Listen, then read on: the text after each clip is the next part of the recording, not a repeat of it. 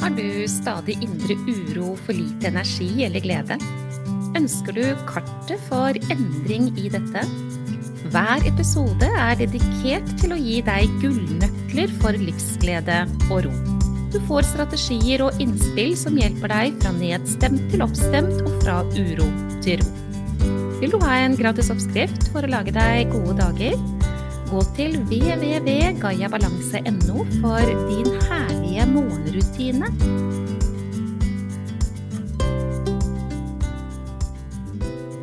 Denne episoden skal handle om det med at det er så vanskelig for ganske mange mennesker ganske ofte og nesten hele tiden å ta imot når noen sier noe pent til dem. Kan du kjenne deg igjen i det? Er du en av de som bare Ja, det er klart du mener det når du får raushet og du er gode for andre mennesker. Eller har du en indre dialog eller sabotør som sier Det der er ikke sant. Det sier du bare for å være hyggelig. Det der mener du egentlig ikke, men eh, Eller hva er det du prøver å oppnå nå når du kommer med det her? Det du sier, det mener du ikke, for det er faktisk ikke sant. Kan du kjenne deg igjen i det? Um, I så fall så har du mye mer stress enn du trenger å ha, og du sier samtidig at den som forteller deg noen ting som du da ikke vil tro på, lyver. Og jeg tenker at det er veldig ugreit, og det kan ikke bli mye glede og livskvalitet og kraft ut av det der. Men vi må se litt nærmere på det, så jeg håper at du blir med meg gjennom denne episoden, hvor um, vi skal snakke litt mer om akkurat dette. For det første, hva tror du er årsaken til at noen sier noe pent til deg? Tenker du med en gang at eh, de vil oppnå et eller annet? At det er noe de har en slags eh, baktanke i forhold til? Eller at de bare finner på det og ikke mener det? Jeg har møtt veldig mange mennesker som per automatikk tenker på den måten når noen sier noe, noen sier noe pent til dem. Og jeg tenker hver eneste gang hvor utrolig trist er ikke det? Jeg sier ikke samtidig at ikke det kan være sånn at noen mennesker sier et eller annet for å oppnå et eller annet, og ikke akkurat mener det, men det gjengse er nok ikke akkurat det. Altså dette med å være det mennesket som så raust byr på komplimenter. Oi, den kjolen var fin, nei, har du fått deg ny skjorte, den syns jeg var sprek. Og nå var du fin på håret, ja, liker du det, den sveisen godt sjøl, den syns jeg var ordentlig kledelig til deg. Eller det du fikk til der, det syns jeg var kjempebra. Altså, tror du at mennesker som raust byr på dette, ikke mener det? Jeg tenker at det er mye viktigere hva det er som foregår i deg, altså hvordan du møter dette her, enn om det er sant eller ikke. Og dette vil jeg snakke mer om, fordi det er ikke nødvendigvis slik at du trenger å dvele ved om det er sant eller ikke. Men det du trenger, det er å ha en så god relasjon til deg selv at du ikke har denne indre dialogen, dette pingpongspillet i deg sjøl som sier at nei, men det er ikke sant, og det mener de ikke, og sier det bare for å være hyggelig, og det der er jeg ikke enig i, og det har jeg aldri sett sjøl, så det kan ikke du se, og alt det der. Den indre dialogen der, det er en gedigen indre sabotør som handler om din selvfølelse. Har du fulgt med meg en stund nå, så blir du ikke veldig overraska over at jeg veldig, veldig ofte i disse episodene og ellers kommer frem til at dette har med vår selvfølelse å gjøre. For det har det. Kan du se for deg en foredragsholder? En som holder et foredrag som vedkommende kanskje har gjort 100 ganger før. Det kan være sånn. Og så holder man det foredraget for eh, kanskje 100 mennesker. Og så står vedkommende der, da, og med innlevelse byr på sin kunnskap. Og det sitter 99 av de 100 som følger nøye med og er interesserte.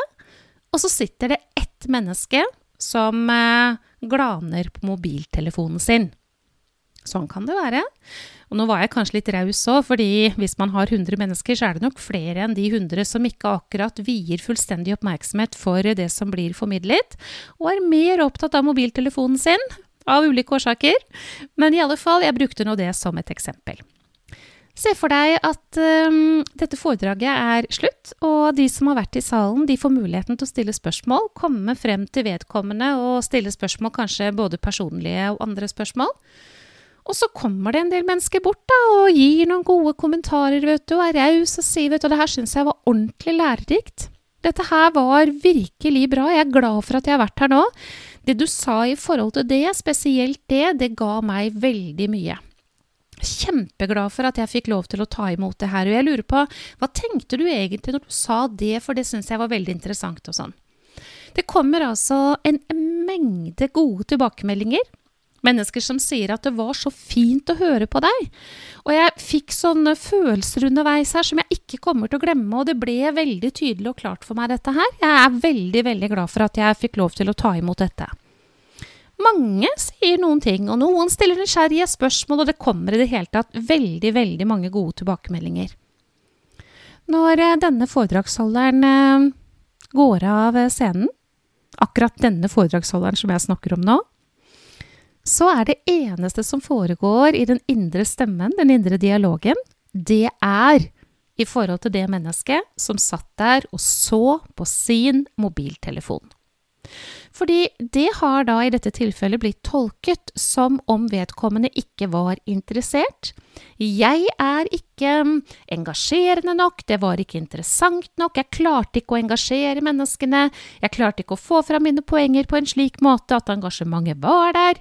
Jeg er ikke god nok, jeg skulle ha forberedt meg bedre, og dette her, det ble egentlig veldig vanskelig. Feil. Ikke bra. Burde ha vært på en helt annen måte, osv. Dette er et veldig godt eksempel på en slik indre dialog, fordi her har mennesker kommet bort og sagt noe som har vært veldig positivt. Og så er det ikke engang ett menneske som har sagt noen ting, men man har da via synssansen fått tatt imot de inntrykkene som gjør at man tenker at man ikke er interessant, ikke engasjerende, dette her var ikke bra nok. Og så er det det som får lov til å ringe og runge i hodet. Du, har det slått deg at det mennesket på mobiltelefonen satt plutselig med et gediget problem i fanget? Fikk en tekstmelding med noe fullstendig uventet som måtte håndteres der og da? Det handlet om noe som er svært viktig for vedkommende. Det var noe angående familien til vedkommende. Det kunne bare ikke vente. Det hadde ingenting med foredragsholderen å gjøre. Tenk deg det.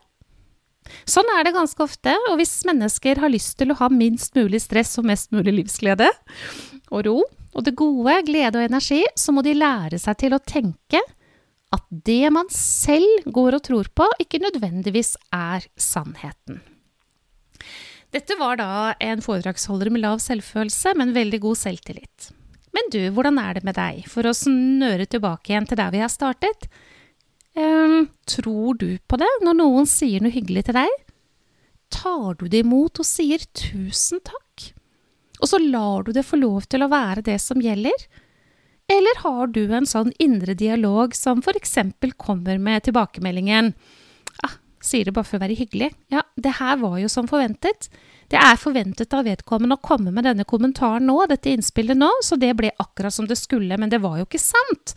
Fordi jeg er ikke osv., osv. Du, jeg har så lyst at du skal gjøre noe med det der. Fordi her er det 14 konteinere med stress, altså. Du har en skikkelig uoppdragen indre sabotør som du går rundt og tror på, og som du gir mat til.